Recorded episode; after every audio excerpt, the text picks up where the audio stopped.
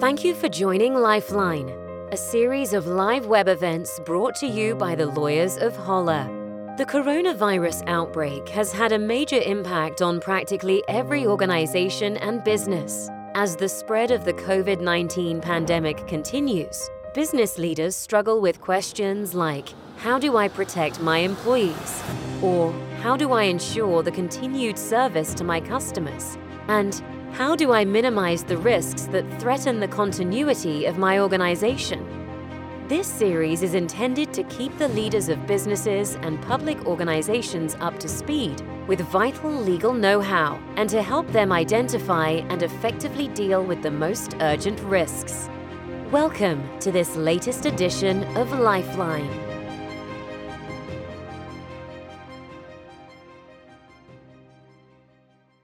Welkom bij het uh, volgende uh, corona-gerelateerde webinar van uh, Advocaten.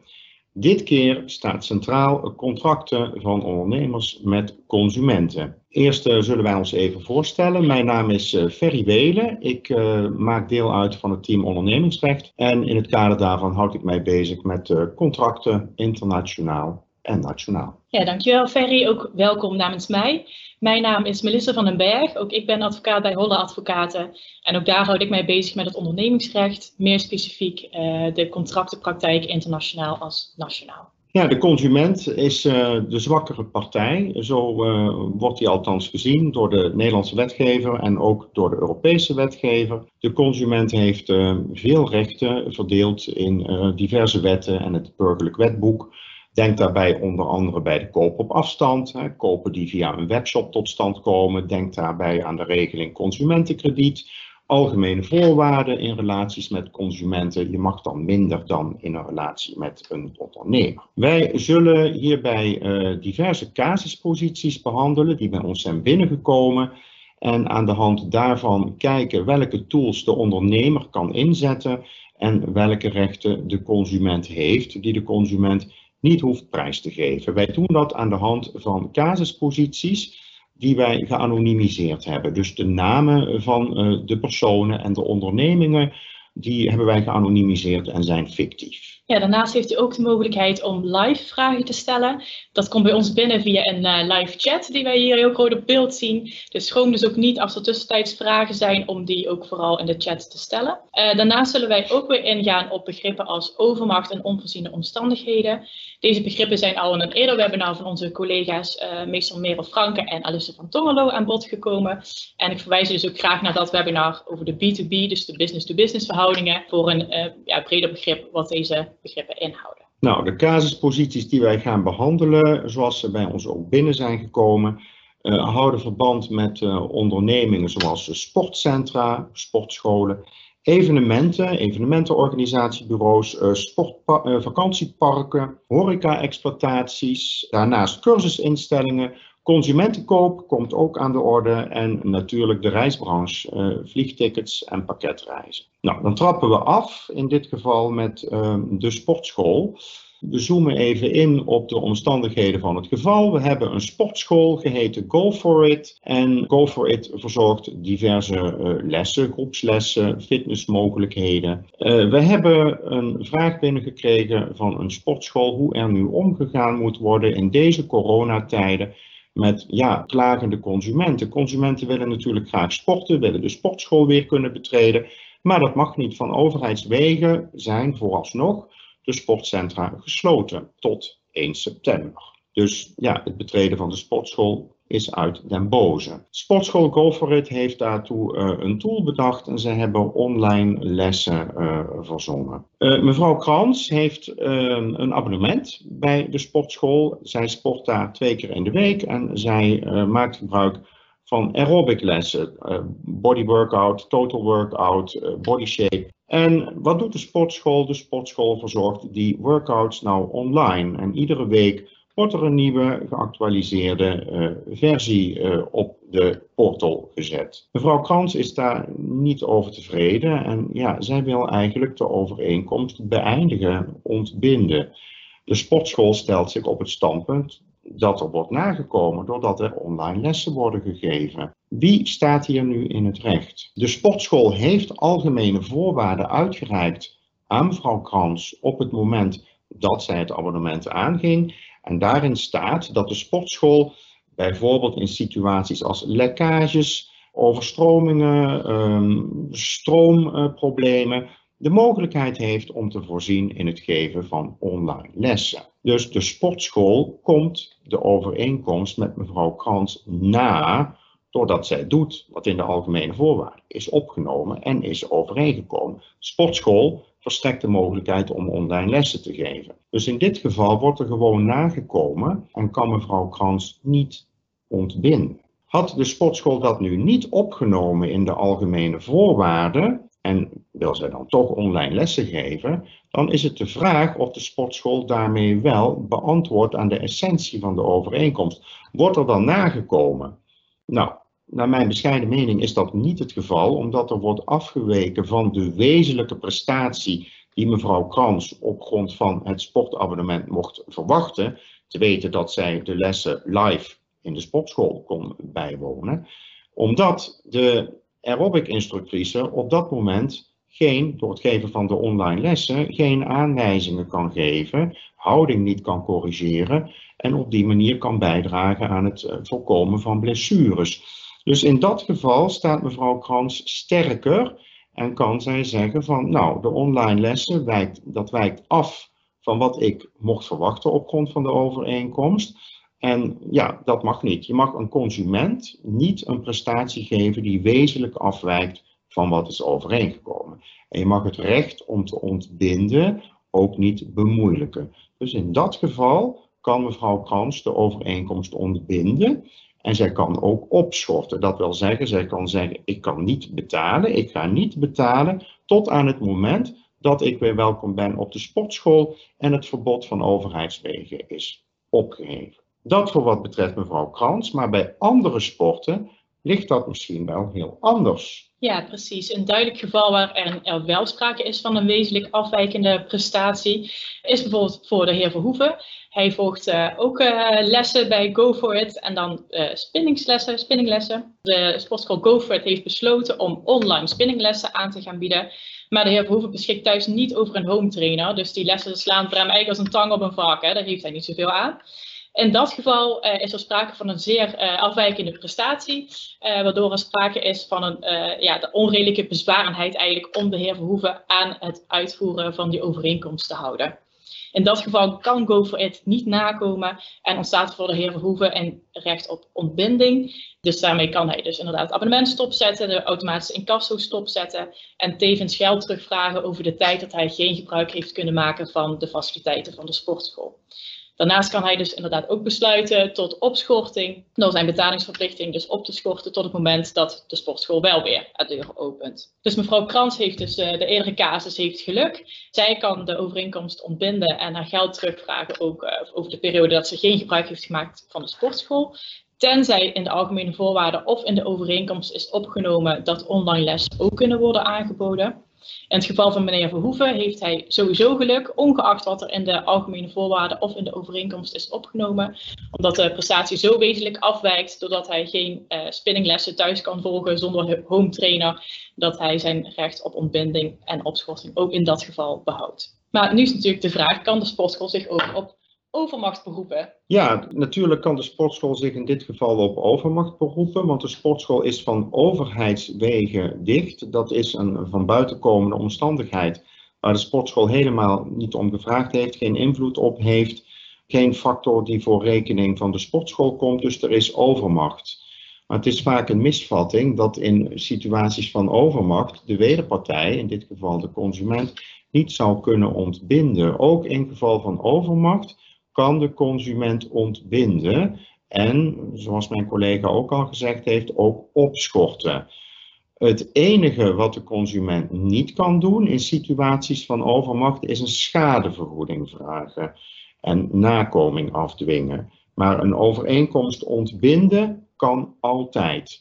Ja, ook als de sportschool dus in algemene voorwaarden heeft uitgesloten dat in het geval van overmacht de consument, de sporter, de overeenkomst kan ontbinden, dan kan de consument die algemene voorwaarden opzij zetten, vernietigen, zoals dat heet in juridische zin, en kan de consument gewoon de overeenkomst ontbinden. Ja, wat nu met onvoorziene omstandigheden? Kan de sportschool zich daarop beroepen misschien?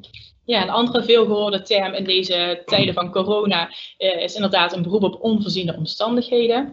In geval van onvoorziene omstandigheden gaat het er niet zozeer om of het van tevoren voorzienbaar was, uh, maar meer of het is opgenomen in de overeenkomst of in de algemene voorwaarden het is dan niet zozeer het virus aan zich wat voorzienbaar uh, moet zijn geweest, maar meer ook de gevolgen. Dus bijvoorbeeld de intelligente lockdown, de import- en de exportverboden. Nou, het kan dus uh, zo zijn dat vanwege die onvoorzienbare omstandigheden er op grond van de redelijkheid en billijkheid een ongewijzigde instandhouding van de overeenkomst niet kan worden gehandhaafd. Dat is dan in dat geval dus niet haalbaar. Het is wel zo dat in de praktijk eigenlijk een beroep op onvoorziene omstandigheden vrijwel niet wordt aangenomen.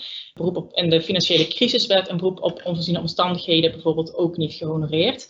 Maar goed, in dit geval zijn er wel aanknopingspunten om een beroep daarop wel te honoreren. Het rechtsgevolg van een beroep op onvoorziene omstandigheden is dat een rechter ervoor kan kiezen om de overeenkomst te ontbinden of te wijzigen. Dan kan hij dus een, de wijziging eigenlijk opleggen, uh, waarbij je bijvoorbeeld een sportschool kan zeggen, nou wij willen graag in de overeenkomst opnemen dat ook online sportlessen kunnen worden aangeboden, uh, waardoor die overeenkomst op die wijze dus moet worden gewijzigd. Uiteindelijk is natuurlijk wel de vraag in hoeverre een rechter zich daarin gaat bemoeien, want partijen hebben contractsvrijheid. En dat is uh, een grote pijler in het Nederlandse recht. En hij zou natuurlijk ook uiteindelijk moeten kijken naar de risicoverdeling. Een consument is eenmaal een zwakkere partij en wordt geacht een zwakkere partij te zijn volgens het recht.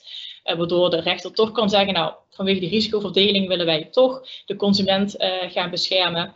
Nou, kan eigenlijk een beroep op onvoorziene omstandigheden niet worden gehonoreerd. Nou, wat kan nu een sportschoolhouder eigenlijk doen om de consument te weerhouden van ontbinding? Ik zie trouwens dat er ook net een vraag is binnengekomen eh, van een mhm. sportschool. Ik zal die uh, direct hierna behandelen. Ik wilde de tips en de tricks even geven. We hebben net gesproken over mevrouw Krans, die algemene voorwaarden tegengeworpen kan krijgen, waarin staat dat online lessen nakoming uh, inhoudt. Nou, dan kan mevrouw Krans niet zoveel, want de sportschool komt dat na, dat is overeengekomen. Staat dat nou niet in de algemene voorwaarden, dan uh, ja, hoeft mevrouw Krans daar geen boodschap aan te hebben en kan zij ontbinden. Uh, meneer Verhoeven, daar geldt het al helemaal voor, want spinninglessen, ongeacht wat in de algemene voorwaarden staat, ja, dat is geen wezenlijk alternatief, hè? er is geen hometrainer. Dus die kan ontbinden. Je zult als sportschool de dialoog aan moeten gaan. Altijd heeft de consument het recht om te ontbinden. Als er niet wordt geleverd wat de consument op grond van de overeenkomst en de bijbehorende algemene voorwaarden mocht verwachten. Ontbinden wil zeggen geld terug en ontslag uit de betalingsverplichting. Wat moet je als sportschool doen? Wat kun je doen? Je kunt de dialoog aangaan met de consument en je kunt zeggen, nou op dit moment kan ik door overmacht niet nakomen wat wij hebben afgesproken in het contract, maar ik kan wel iets anders bieden. Ik heb een speciale portal gecreëerd waarin online lessen worden uh, neergezet, power yoga, workout, body shape, noem het allemaal maar op. En daarnaast geven we ook speciale bootcamplessen buiten. Dat mag wel van de overheid.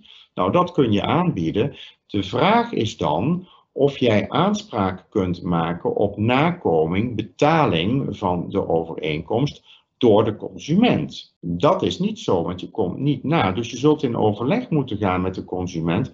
Wat is het profijt dat de consument heeft van wat ik ga bieden? En wat is de consument bereid daarvoor te betalen. Wil de consument een korting uh, met mij overeenkomen? Dus je zult de dialoog aan moeten gaan. Er komt net een vraag binnen. De vraag luidt als volgt. Onze leden worden gecompenseerd over de tijd dat we gesloten zijn geweest. Maar nu geven we weer buiten. Nu geven we weer live lessen, al is het buiten. De compensatieregeling geldt dus nu voor negen weken en stopt. Is dat wettelijk toegestaan of moeten we blijven compenseren totdat we ook binnen open mogen? Nou, ik heb het antwoord eigenlijk net al gegeven, wat meer concreet. Ja, de consument heeft het recht op ontbinding. Dus de consument kan zeggen, ik hoef niet te betalen, kan opschorten, ik hoef niet te betalen totdat jullie binnen weer open zijn.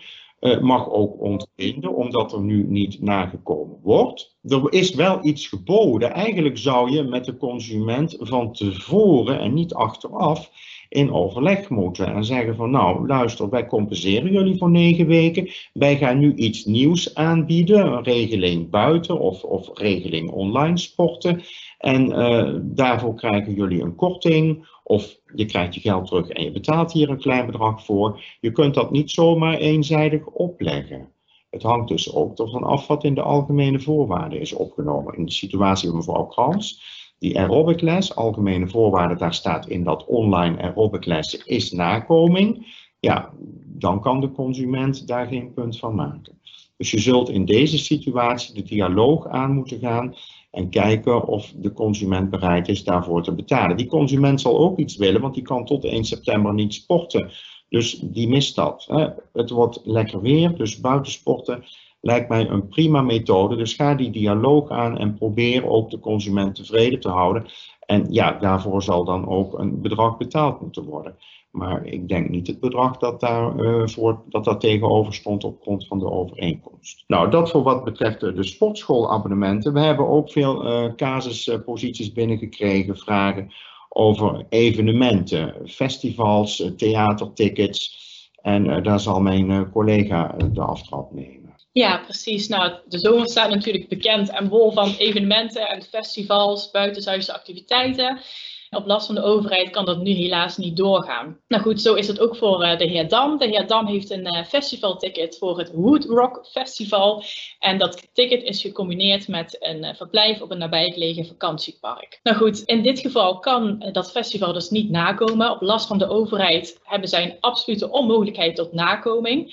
Omdat het niet mag van de overheid om zo'n groot festival te organiseren. Op grond waarvan de heer Dam dus eigenlijk de overeenkomst met betrekking tot het festivalticket kan ontbinden. En hij kan dus ook zijn geld terugvragen. Maar goed, in elk geval, de heer Dam die gaat ieder jaar eh, naar dat festival toe. Het is traditie met vrienden. En hij zegt, nou, het financiële leed is toch al geleden. En het festival biedt ook aan om het ticket volgend jaar in 2021 geldig te laten zijn. Dus hij besluit voor die optie te gaan en het ticket uh, het volgend jaar uh, te gebruiken. In dat geval heeft de heer Dam dus geluk en het, de organisator van het Wood Rock Festival eigenlijk pech, maar nu dus weer geluk, omdat de heer Dam dus stelt, nou goed, ik gebruik het ticket gewoon volgend jaar. Eventueel kan ook in de algemene voorwaarden of in de overeenkomst zijn opgenomen dat zo'n verplaatsing van zo'n festival is toegestaan. Dus in dat geval zou het festival toch weer geluk kunnen hebben. Maar dan hangt het weer een beetje van af of dat niet onredelijk bezwarend is voor de consument. Waardoor misschien toch weer niet het festival uh, geluk heeft indien zij uh, dat in de algemene voorwaarden heeft opgenomen. Het is in dit geval eigenlijk wel een combi-ticket. Dus de vraag is dan wel, hoe zit het nou met dat vakantiepark? Want ja, het festival moet op last van de overheid dus dicht, of het kan niet doorgaan. Maar kan het vakantiepark, kan die overeenkomst dan ook worden ontbonden door de heer Dan? Ja, het vakantiepark zegt inderdaad, wij hebben daar geen boodschap eh, aan of dat festival nu doorgaat of niet. Wij kunnen gewoon die bungalow verstrekken, er wordt goed schoongemaakt. Dus ja, u bent welkom. Uh, dan zet u maar een, een, muziekje op en dan heeft u ook muziek. En u kunt gewoon komen, dus wij kunnen gewoon nakomen. Kan dat dan zomaar? Ben je dan zomaar verplicht om naar het bungalowpark toe te gaan, ondanks dat er geen festival is? Nou, dat is in deze casus niet het geval, want er is hier sprake van een gezamenlijke promotie, zowel van de festivalorganisatie als van het bungalowpark. Er is een combi-ticket aangeboden. Dan ga je kijken waar ligt de essentie, waar ligt de kern.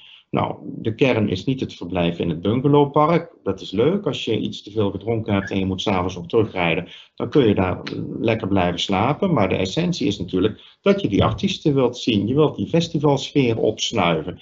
Dat is de reden waarom je dat ticket hebt gekocht en dat combi-ticket dat je daar gebruik van wilde maken. Dus ja, het belangrijkste deel kan niet worden nagekomen. Daar is overmacht aan de zijde van de festivalorganisatie. En ja, het combi-ticket is het lot beschoren van de kern van de prestatie.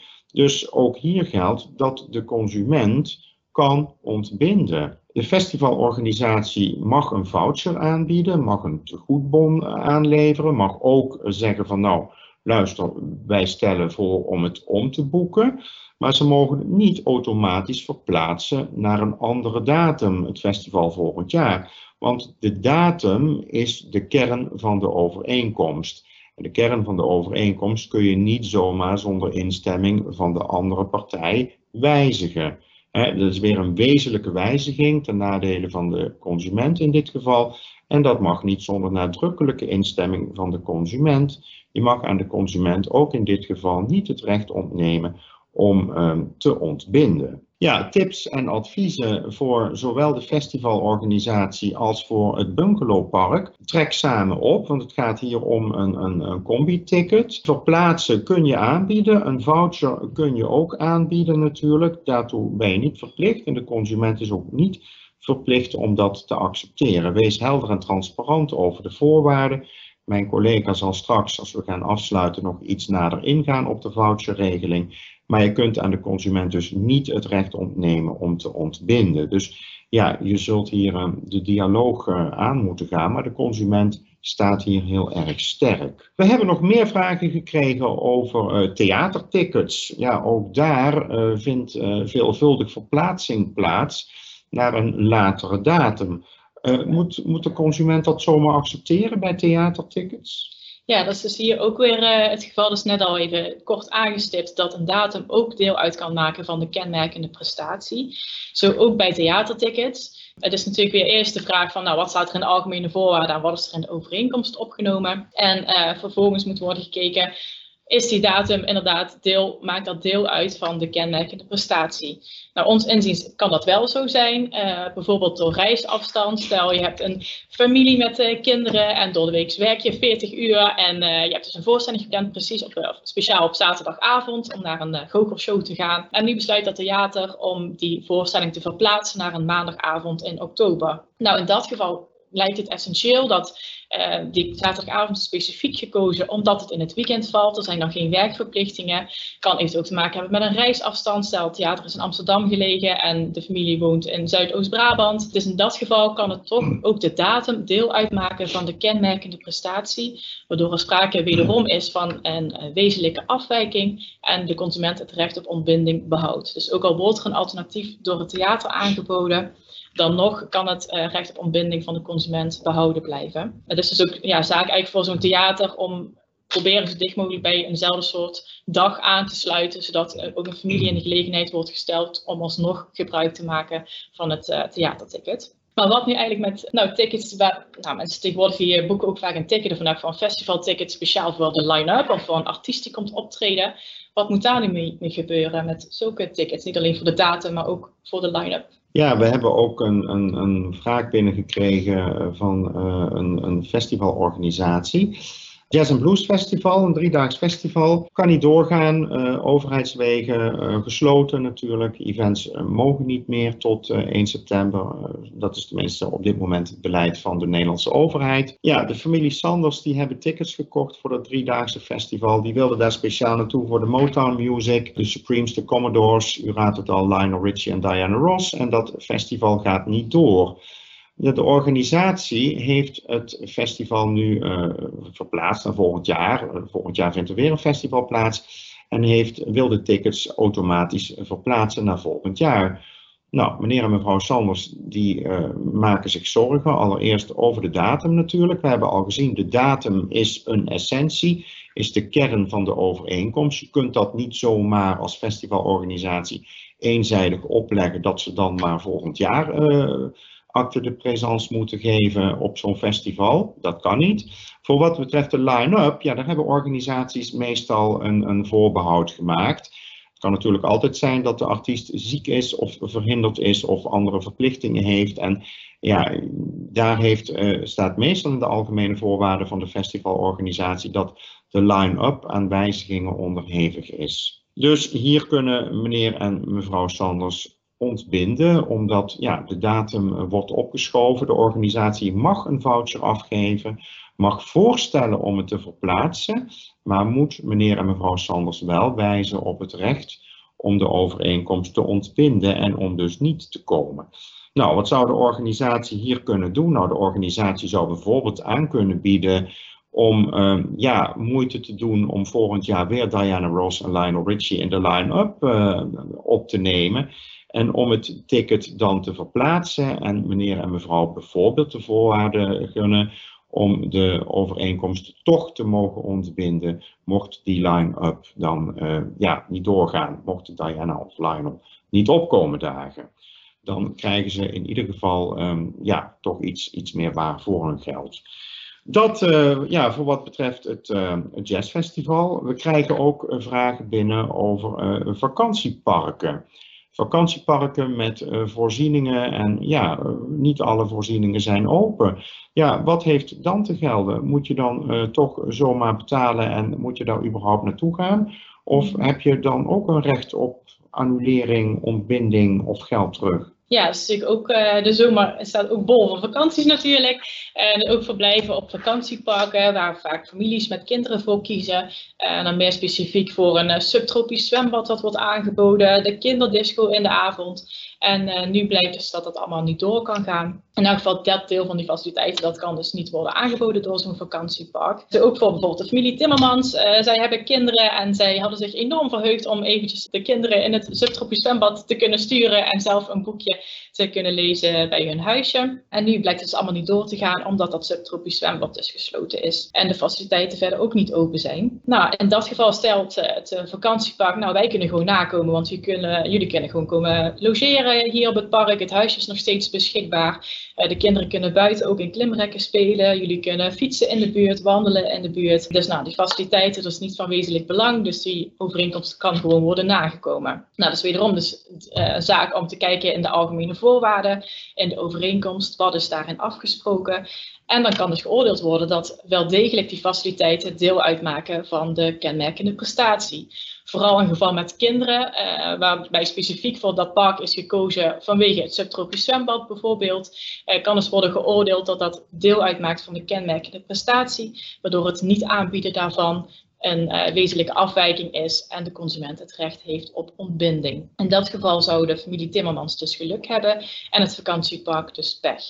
Dat kan eventueel anders liggen als uh, bijvoorbeeld een stel op leeftijd besluit om in het vakantiepark te gaan uh, overnachten en in de buurt te gaan rondfietsen. Zij hebben minder belang bij die faciliteiten.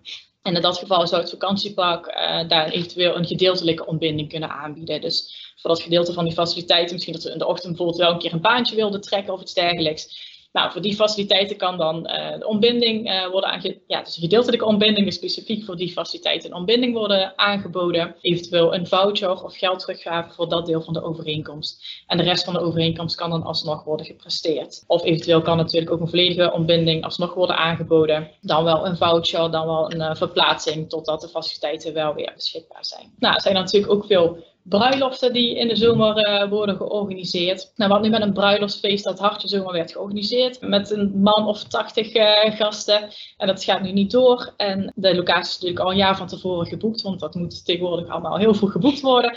Kan dan die locatie, uh, kun je dan zelf als bruiloftpersoon of degene die de bruiloft aangaat. ook de gereserveerde locatie, de overeenkomst daarmee ontbinden. En ook eventueel de catering en dergelijke.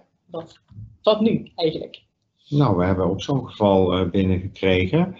Mevrouw Snijders en meneer Meijers die um, gaan trouwen en die hadden een, een bruiloftsfeest georganiseerd op 30 mei. Dat was voorzien bij een mooie horeca-uitspanning. Er zou een diner verzorgd worden, een bruidstaat, een borrel, happen, muziek. Het feest was daar ook, de hele locatie. Nou, was daar klaar voor. Er wordt gehoopt op, uh, op mooi weer en... Uh, ja, wat gebeurt er van overheidswegen? Is de horeca gesloten? 30 mei, ja, waarschijnlijk gaat uh, de horeca voor die tijd niet open. De horeca, nou ja, evenementen met uh, meer dan 30 personen zijn sowieso verboden. Daar heb je ook de social distancing van anderhalve meter natuurlijk. Er zijn hier meer dan 80 mensen uitgenodigd. Volgens mij waren het er 120 die uitgenodigd zijn. Ja, dan kun je ook niet zomaar verlangen van het bruidspaar dat ze dat dan terug gaan brengen naar uh, 30 gasten. Dus er is hier sprake van overmacht. Er kan niet worden nagekomen door de horeca-inspanning, horeca-uitspanning. En in dit geval kan er dus uh, ontbonden worden. Dat betekent het, ja, het geld terug. Wat nu als de bruiloft later was ingepland? Nou, dan was het zo geweest dat er onzekerheid bestaat of er kan worden nagekomen. En in dat geval mag je de verplichting tot betaling opschorten totdat je duidelijkheid hebt dat het event inderdaad kan doorgaan. Ja, eigenlijk wil mevrouw Snijders en meneer Meijers, die willen toch wel heel graag dat het feest hier doorgang heeft. dus ja, ze hebben overwogen om de bruiloft dan toch maar uit te stellen, uh, dan moeten ze opnieuw gaan onderhandelen met de horeca-instellingen. De horeca-instelling heeft al laten doorschemeren ja, dat het feest wel uitgesteld kan worden tot een, nadere datum ergens in het volgende jaar. Maar dat de kosten dan wel uh, 800 euro hoger zullen zijn. Kan dat dan zomaar? Ja, ik vrees dat mevrouw Snijders en meneer Meijers daar pech hebben gehad. Want het oude contract is dan ontbonden en dan is het vrijheid, blijheid, contractsvrijheid. En dan kan er opnieuw onderhandeld worden over nieuwe voorwaarden. Ja, er is geen machtspositie, dus de, de horeca-instelling maakt geen misbruik van machtspositie door opnieuw te onderhandelen en met nieuwe tarieven te komen.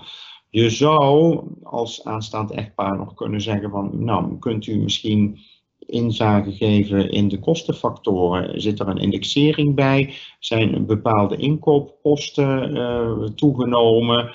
En ga dan in overleg over die kostenposten. En ja, de horeca-instelling heeft natuurlijk nu ook, ze hebben wellicht al het nodige voorbereid wat schade geleden. Probeer in, in een goede dialoog te komen tot, tot een oplossing dan voor het volgend jaar. Maar ja, de consument staat hier dus sterk omdat ze het kunnen ontbinden. Ze krijgen het aanbetaalde geld ook terug. Ze hoeven verder niets meer te betalen. Maar ja, je kunt niet zeggen van uh, volgend jaar wil ik het event hebben voor hetzelfde bedrag. Dat zijn nieuwe onderhandelingen die moeten plaatsvinden. Nog even terugkomend op het vakantiepark. Het vakantiepark heeft net gezegd van ja, wij kunnen nog steeds gedeeltelijk nakomen. We hebben ook vragen binnengekregen met betrekking tot een bed and breakfast. Ja, een bed and breakfast stelt ook dat ze kunnen nakomen. Maar ja, degenen die daar geboekt hebben, die zeggen van ja, wij voelen er eigenlijk weinig voor. Want de winkels die zijn beperkt open, de horeca is dicht. Dus ja, zo'n leuk uitje in die BNB is het helemaal niet meer. Er stond ons iets uh, anders voor ogen.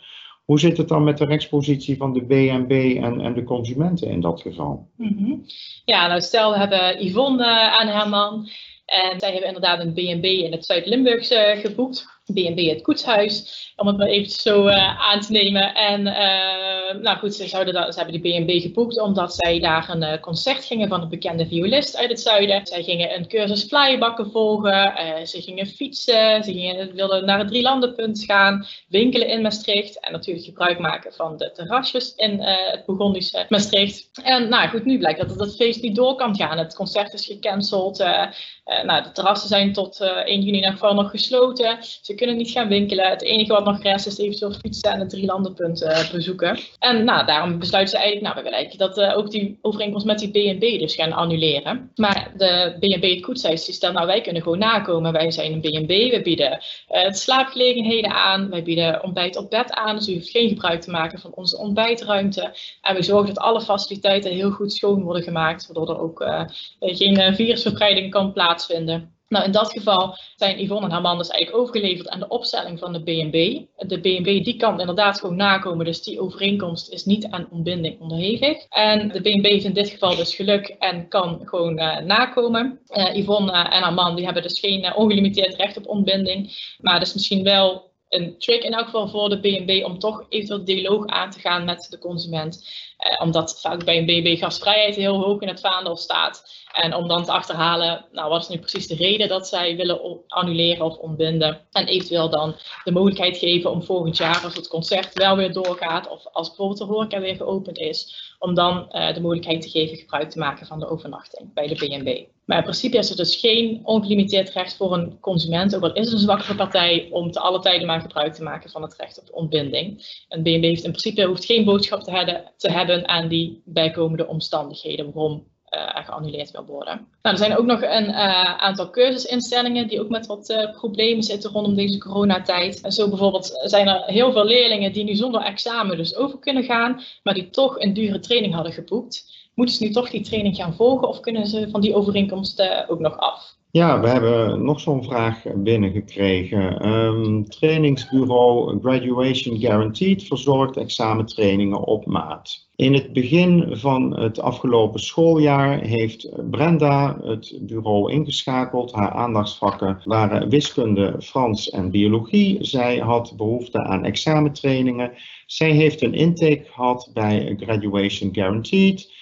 En de training zou op maat uh, verzorgd worden. Ja, het kabinet heeft besloten dat uh, nou, alle eindexamenkandidaten geen centraal schriftelijk examen hoeven te af te leggen.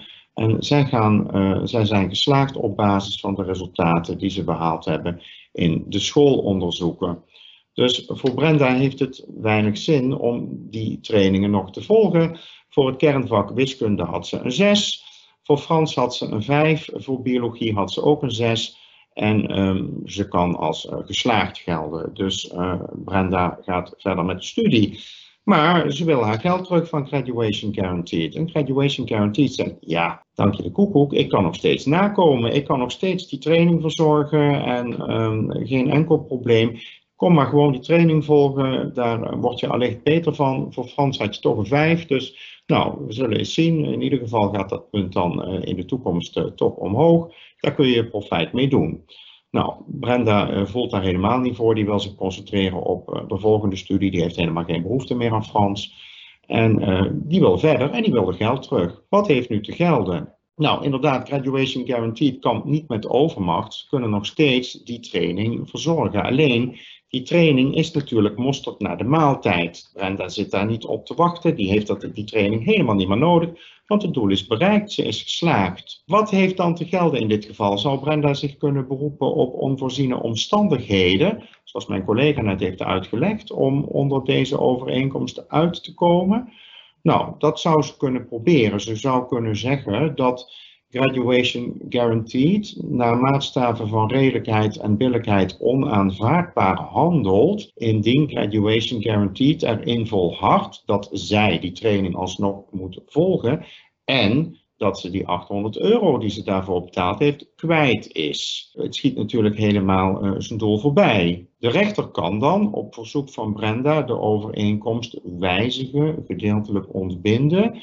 En in dit geval is het denkbaar dat de rechter zegt, ja, graduation guaranteed, je handelt naar maatstaven van redelijkheid en billijkheid onaanvaardbaar. Dus je moet in principe die 800 euro die Brenda betaald heeft, terugbetalen.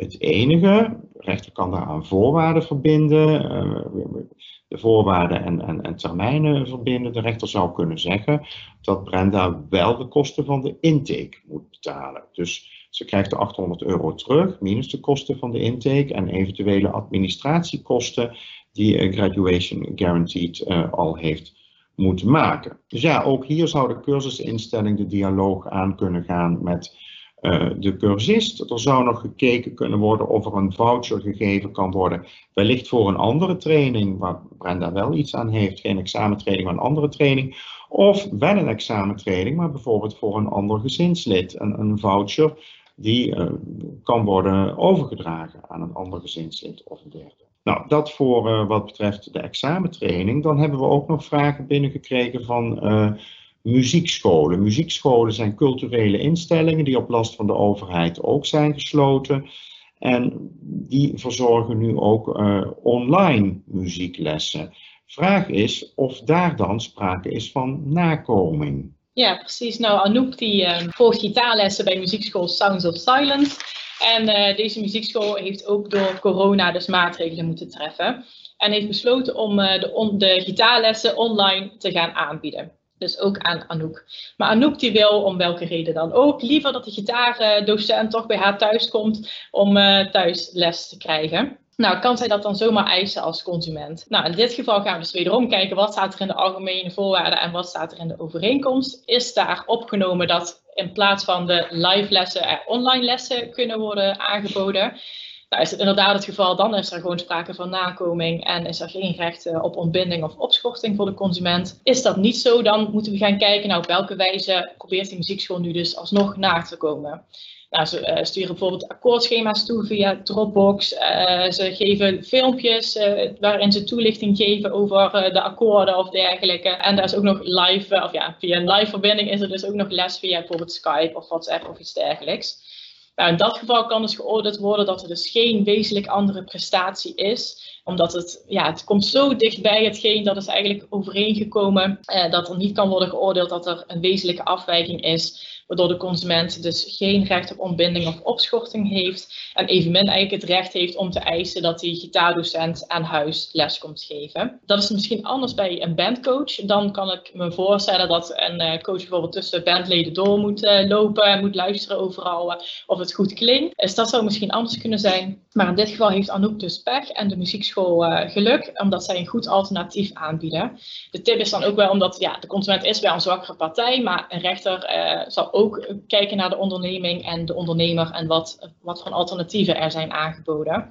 En uh, daar zal de rechter ook zeker rekening mee houden. Dus in dit geval is er geen wezenlijk afwijkende prestatie en wordt toch geacht dat de overeenkomst uh, is nagekomen. Nou, dan zijn er ook nog uh, veel gevallen van koop in deze tijden. Zo ook bij bijvoorbeeld een mevrouw op die dus een wasmachine heeft gekocht. Maar goed, nu kan die service niet meer worden aangeboden, want bepaald is dat de installatie, dat de consument dat maar zelf moet doen. Ja, wat kan de consument in dat geval doen? Kan er dan een de overeenkomst geheel worden ontbonden? Moet ze zelf maar de wasmachine gaan installeren? Hoe zit het daarmee? Ja, de service wordt niet meer verleend. We hebben een voorbeeld binnengekregen van een, een witgoedwinkel. Winkel die apparatuur verkoopt, huishoudelijke apparaten, uh, Massa Plaza. Massa Plaza heeft een overeenkomst gesloten met mevrouw Smetsels. Mevrouw Smetsels is al op leeftijd. Zij woont uh, in een serviceflat en voor haar is het van fundamenteel belang dat uh, de machine wordt uh, gesjouwd, dat de machine wordt aangesloten en dat de oude machine mee terug gaat met de installateurs. Haar kinderen wonen ver weg, haar buurmannen nou, wonen ook in een serviceflat, zijn ook op leeftijd. Dus voor haar is echt dat installeren is fundamenteel. Dat maakt deel uit van de consumentenkoop. Consumentenkoop geregeld in het burgerlijk wetboek. Daar is ook opgenomen dat als je een gecombineerde overeenkomst hebt bestaande uit de aankoop van een roerende zaak en een installatie, dan zijn ook de regels van de consumentenkoop op de installatie van toepassing. Massa Plaza heeft besloten in verband met de coronatijden om het personeel in uh, ja, bescherming te nemen en heeft dus die veiligheidsmaatregelen getroffen dat er niet meer wordt geïnstalleerd, dat er niet meer uh, de machine in huis uh, wordt gesjouwd en dat de oude machines niet meer worden opgehaald. Dus ja, mevrouw Smetsers, uh, die komt van een koude kermis thuis, want die machine die wordt nu gewoon ja, voor de deur gedumpt en ja, dan moet ze het verder maar zien te rooien. Uh, kan dat zomaar? Nou, als Massaplaza algemene voorwaarden heeft waarin staat dat zij het recht heeft om de installatie niet te verzorgen en de bijkomende werkzaamheden, dan hoeft zij de installatie niet te verzorgen. Maar mevrouw Smetsels heeft daar al wel voor betaald. Dus dan krijgt mevrouw Smetsels een deel van het geld dat betrekking heeft op de installatie terug. Staat dat niet in de algemene voorwaarden en is de afspraak gemaakt dat die installatie gewoon plaatsvindt, dan kan mevrouw Smetsels de overeenkomst ontbinden, maar ze kan ook aanspraak maken op onverkorte nakoming, dus installatie en het ophalen van die oude machine. En ja, mevrouw Smetsels kan ook schadevergoeding vragen in dit geval, want er is geen overmacht. we hebben net de horecaorganisatie gehad in de muziekschool, die zijn dicht op last van de overheid. Het sportcentrum ook, dan is er overmacht. Massa Plaza heeft er zelf voor gekozen, ter bescherming van de werknemers, om dit beleid te voeren. Dan is er geen overmacht. Dus dat komt voor rekening en risico van Massa Plaza. Dus ja, wat, wat is hier weer uh, het, het advies? Het advies is als de algemene voorwaarden van Massa Plaza niet op maat zijn gemaakt en er niet in voorzien dat ze ervan mogen afzien om die machine te installeren en de oude machine op te halen, dan zullen ze de dialoog aan moeten gaan met mevrouw Smetsers. Want anders lopen ze het risico dat de kosten van de door mevrouw Smetsers in te schakelen klusjesman ja, als dat een hele dure klusjesman is, kunnen die kosten best oplopen. Die kosten gaan omhoog en daarnaast de kosten van de stort. Die zal Massa Plaza dan toch moeten betalen. De dialoog kan inhouden dat er bijvoorbeeld een, nou ja, een tegoedbon wordt gegeven voor een, een, een korting op een volgende aankoop bij Massa Plaza. Of toch ja, betaling van die extra kosten van de klusjesman. Dus ja, de dialoog zal daar moeten uh, worden aangegaan, maar er zal moeten worden nagekomen. Ik ga meteen door met de reisbranche, de pakketreizen. Pakketreizen zijn apart geregeld in het uh, burgerlijk wetboek. Natuurlijk, de leerstukken van overmacht en onvoorziene omstandigheden zijn daar ook van toepassing, maar er zijn aparte wetsartikelen. En ik zal een beroep moeten doen op een van deze artikelen in de volgende casus. We hebben Evelien en Harry, die hebben een uh, rondreis, uh, een vlucht en een rondreis en verblijf in hotels geboekt bij de reisorganisatie Travel Light in Thailand. In Thailand, uh, ja, helaas is men ook getroffen door het coronavirus. En dat is in sommige delen van Thailand zo erg dat het ministerie van Buitenlandse Zaken van Nederland code rood heeft afgegeven voor de drie zuidelijke provincies van Thailand. Code rood is dus een, een, een echte negatief reisadvies, don't go. Een oranje code oranje is van nou, zakelijke reizen mogen wel, liever niet, maar zakelijke reizen mogen nog. Code rood is gewoon no go. Echter, het advies code rood van het ministerie is niet bindend. Dus reisorganisatie Travel Light hoeft daar geen boodschap aan te hebben. Ja, Harry en Evelien zitten er niet op te wachten om ja, naar een risicovol gebied te reizen. En zij willen toch eigenlijk die reis wel graag ontbinden. Kan dat? Nou, in de regeling voor pakketreizen is in het burgerlijk wetboek een bepaling opgenomen waarin staat dat de consument de mogelijkheid heeft om de pakketreis te ontbinden, indien er sprake is van onvermijdbare, buitengewone omstandigheden die aanzienlijke gevolgen hebben voor ofwel de reis ofwel het vervoer. Ze zullen dus in moeten zoomen op de situatie in die drie zuidelijke provincies in Thailand. Hoe is dat daar? Hoe is de gezondheidszorg daar? Hoeveel besmettingen zijn er? Hoeveel sterfgevallen zijn er te betreuren? En kijk naar de maatregelen die de overheid heeft getroffen. Slagen zij erin om dat eh, in kaart te brengen, al dan niet met behulp van bijvoorbeeld de ambassade, uh, dan kunnen ze de overeenkomsten alsnog ontbinden. Nou, Travel Light is niet voor één gat te vangen. Travel Light heeft gezegd, wij hebben de reis gewijzigd. De rondreis hebben we ingekort. We gaan niet naar het zuiden. We blijven wat langer in het noorden. Er zijn mooie watervallen te bewonderen. Daar speelt corona niet. Dus we gaan daar naartoe. Kan dat zomaar, die eenzijdige wijziging? Nou, ook daar is in de wettelijke regeling voor de pakketreizen opgenomen dat dat niet kan. Een kleine wijziging kan doorgevoerd worden, bijvoorbeeld dat je niet gaat eten in restaurant A, maar in restaurant B. Dat is een kleine wijziging op grond waarvan je niet zal kunnen ontbinden. Maar om een, een rondreis ja, helemaal te verplaatsen naar een ander gebied, dat is een wezenlijke wijziging. En dat kan niet zomaar. Je kunt de consument daar uh, niet die wijziging opdringen.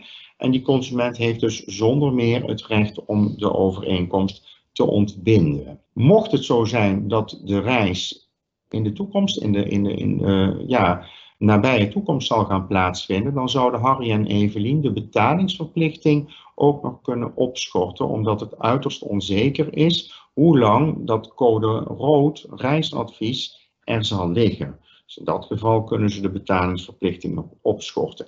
Ik wil nog even uh, ingaan op um, de ANVR. Als uh, Travel Light namelijk bij de ANVR aangesloten is, dan zal bij een code rood negatief reisadvies het geld automatisch teruggestort moeten worden. Dat geldt bij code rood, dat geldt niet bij code uh, oranje. Voor Italië bijvoorbeeld geldt op dit moment een, een code oranje reisadvies. Dan zul je van geval tot geval met je reisorganisatie in onderling overleg moeten gaan. Moeten Harry en Evelien een voucher accepteren? Nou, we gaan dadelijk nog wat uitgebreider in op de voucherregeling. Nee, dat hoeven ze niet. Ze hebben recht op hun geld terug in uh, deze gevallen zoals ik ze heb geschetst. Soms echter kan het interessant zijn om een voucher toch te accepteren als Travel aangesloten is bij SGR, Stichting uh, Garantiefonds Reisgelden. Dan is het zo dat ook in het geval Travel failliet verklaard mocht worden, uh, Harry en Evelien toch hun geld terug kunnen krijgen via het SGR. Dat biedt dus een extra garantie. Dus ja, in dit geval heeft Travel Light eh, pech. Harry en Evelien zullen waarschijnlijk kunnen aantonen dat die buitengewone ernstige omstandigheden ter plaatse er zijn. En ze hoeven ook geen uh, genoegen te nemen met die omboeking in dit geval. Ik wijs er wel op dat Harry en Evelien geen aanspraak kunnen maken op kostenvergoeding. Hebben zij bijvoorbeeld bepaalde inentingen gehaald in verband met hun reis naar Thailand, dan hoeven de kosten van die inentingen niet vergoed te worden, dus Travel Light. Er is overmacht, een Travel Light, of dan geen schadevergoeding te betalen. Alleen wat betaald is, gaat terug. Dat is het eigene aan eh, ontbinding. Mijn collega zal nog uh, ingaan op de losse vliegtickets, want dan ligt het iets anders. Ja, inderdaad. Nou, tegenwoordig uh, boeken veel mensen natuurlijk uh, al alles zelf. Dus los het vliegticket, los het verblijf. Nou, wat moet er dan in dit geval bijvoorbeeld gebeuren met een vliegticket naar Milaan toe? Dat geldt bijvoorbeeld ook voor Peter. Peter wilde zijn vrienden in Milaan gaan bezoeken en tevens daar een designbeurs gaan bezoeken. Nou, die designbeurs die is dus niet doorgegaan en er is uh, inmiddels een code oranje advies afgegeven, reisadvies afgegeven door het ministerie van Binnenlandse, Buitenlandse Zaken, excuses, voor Italië. Nou goed, in dat geval uh, kan Peter dus kijken, nou wat staat er, heeft hij een annuleringsverzekering afgesloten? Wat staat er in die annuleringsverzekering? En kan hij dus zomaar die reis annuleren? Doet hij, uh, heeft hij geen annuleringsverzekering, dan is het advies om af te wachten wat de vliegmaatschappij gaat doen. Uh, zodra de vliegmaatschappij stelt van, nou wij kunnen gewoon die overeenkomst nakomen, want wij kunnen gewoon die vlucht uitvoeren, dan heeft Peter eigenlijk pech. Vooral als het reisadvies bijvoorbeeld wijzigt. Uh, en vervalt. Dan heeft Peter pech omdat uh, Cool Air bijvoorbeeld, een vliegmaatschappij, uh, wel de vlucht nog kan uitvoeren en dus de overeenkomst kan nakomen. Is dat niet het geval, dan zou Peter dus geluk hebben en zou hij het beste kunnen wachten tot de vliegmaatschappij stelt dat ze dus die vlucht niet kunnen uitvoeren. Op grond waarvan Peter dus zijn geld terug kan vragen en de overeenkomst kan ontbinden omdat hij niet kan worden nagekomen. Of eventueel dus een voucher kan accepteren dat de vliegmaatschappij aanbiedt. Uh, maar dus geen uh, schadevergoeding kan verlangen van de vliegmaatschappij. Dus bijvoorbeeld de ticket voor de designbeurs die niet meer doorgaat, dat kan hij niet vergoed krijgen via de vliegmaatschappij. Eventueel kan een vliegmaatschappij nog omboekingsmogelijkheden aanbieden en eventueel dus een voucher. Daar zal ik nu even wat uh, dieper op ingaan. Er is namelijk wat discussie ontstaan over het aanbieden van een voucher. Ja, dus uh, zelfs tot de Europese Commissie inmiddels uh, gekomen. Nou, in principe is het volgens de consumentenbescherming zo dat een consument op zijn strepen kan staan en kan stellen, nou, ik heb geen boodschap aan die voucher, ik wil mijn geld terug, punt uit. De ACM, die stimuleert eigenlijk dat consumenten wel zo'n voucher accepteren, met name vanuit de vrees dat ondernemingen anders zullen omvallen. Het is uh, dus ook voor nu is het nog een goed alternatief om een voucher aan te bieden. Maar daarbij is het wel van belang dat zo'n voucher dus duidelijk en helder is geformuleerd. Dat duidelijk is gesteld uh, dat bijvoorbeeld het geld teruggave behouden blijft voor de consument. Indien hij bijvoorbeeld geen gebruik maakt van de voucher of toch terugkomt op zijn beslissing. Want indien dat niet wordt gedaan, dan kan namelijk worden gesteld dat een consument zijn rechten niet prijs heeft gegeven. En dat zo'n voucher dus eigenlijk als ongeldig moet worden betiteld. Er wordt dan namelijk gesteld dat de consument misleid is. En dat is natuurlijk niet de bedoeling. Dus eh, ja, de bedoeling is echt om duidelijk en transparant te zijn bij het aanbieden van zo'n voucher. Ook voor bepaalde kosten die de consument zich moeten maken, kunnen vergoed worden. Uh, de duur van de voucher is van belang. Dus uh, ja, een redelijke termijn wordt eigenlijk aanbevolen. Dat zal 12 maanden zijn, afhankelijk van de omstandigheden van het geval.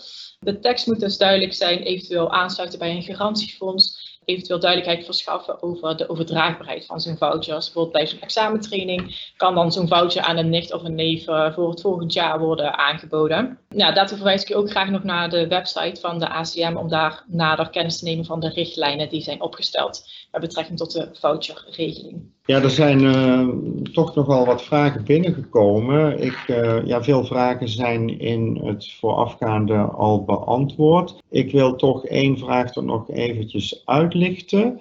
Een vraag van een sportcentrum. Uh, dat legt aan ons een bepaling voor uit de algemene voorwaarden. Ik lees hem even voor. Er staat in de algemene voorwaarden voor de sporters die lid zijn bij dat sportcentrum het volgende. De contributie is te allen tijden verschuldigd, ook indien het clublid door omstandigheden geen gebruik kan maken van de faciliteiten van de club of door omstandigheden één of meerdere faciliteiten van de club tijdelijk niet beschikbaar zijn. Nou, ik ga ervan uit dat het hier te maken heeft met het laatste deel, dat, door omstandigheden, corona, één of meerdere faciliteiten van de club tijdelijk niet beschikbaar zijn. Dat staat in de algemene voorwaarden. Dat is iets heel anders dan wat ik net heb besproken bij de situatie van Go For It met mevrouw Krans. Daar stond in de algemene voorwaarden dat de sportschool ook nakomt door bijvoorbeeld alternatieven te leveren, zoals een online les of een, een bootcamp, een buitenles. Het wat hier voorgelegd wordt, eh, dat kan niet, want hier wordt het recht van de consument om uh, betaling op te schorten, dan wel om de overeenkomst te ontbinden, uh, belemmerd, moeilijk gemaakt, zelfs uitgesloten. Dus deze bepaling, ja, hij staat er wel, maar de consument kan heel eenvoudig uh, schriftelijk een briefje sturen naar de, het sportcentrum. Zeggen van ja, deze algemene voorwaarde die is onredelijk bezwarend, zoals dat heet, in de omstandigheden van dit geval.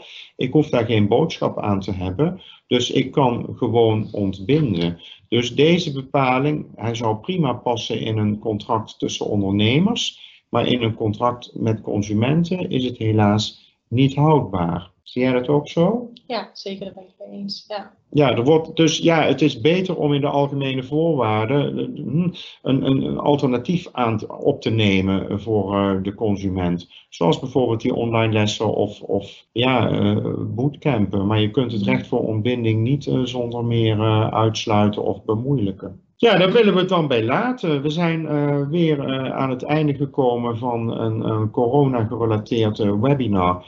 Wilt u het nog eens een keer terugzien, dan kan dat. Het webinar zal binnen enkele dagen geplaatst worden op de site van Holla Advocaten, www.holla.nl. Daar kunt u ook de overige corona-gerelateerde webinars die er al zijn geweest van mijn collega's nog eens bekijken. Rest mij uh, te danken voor uh, de gestelde vragen, de getoonde belangstelling en uh, voor uw aandacht. En ja, ik hoop dat u allemaal gezond blijft en tot ziens. Dag.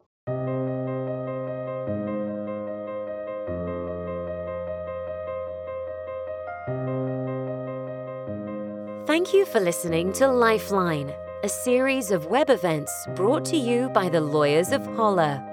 This web event will be made available both as a webcast and podcast, which you can download on our website at www.holla.nl, on LinkedIn, and on YouTube. You can keep track of key issues and developments by signing up to the latest updates on our website, www.holla.nl.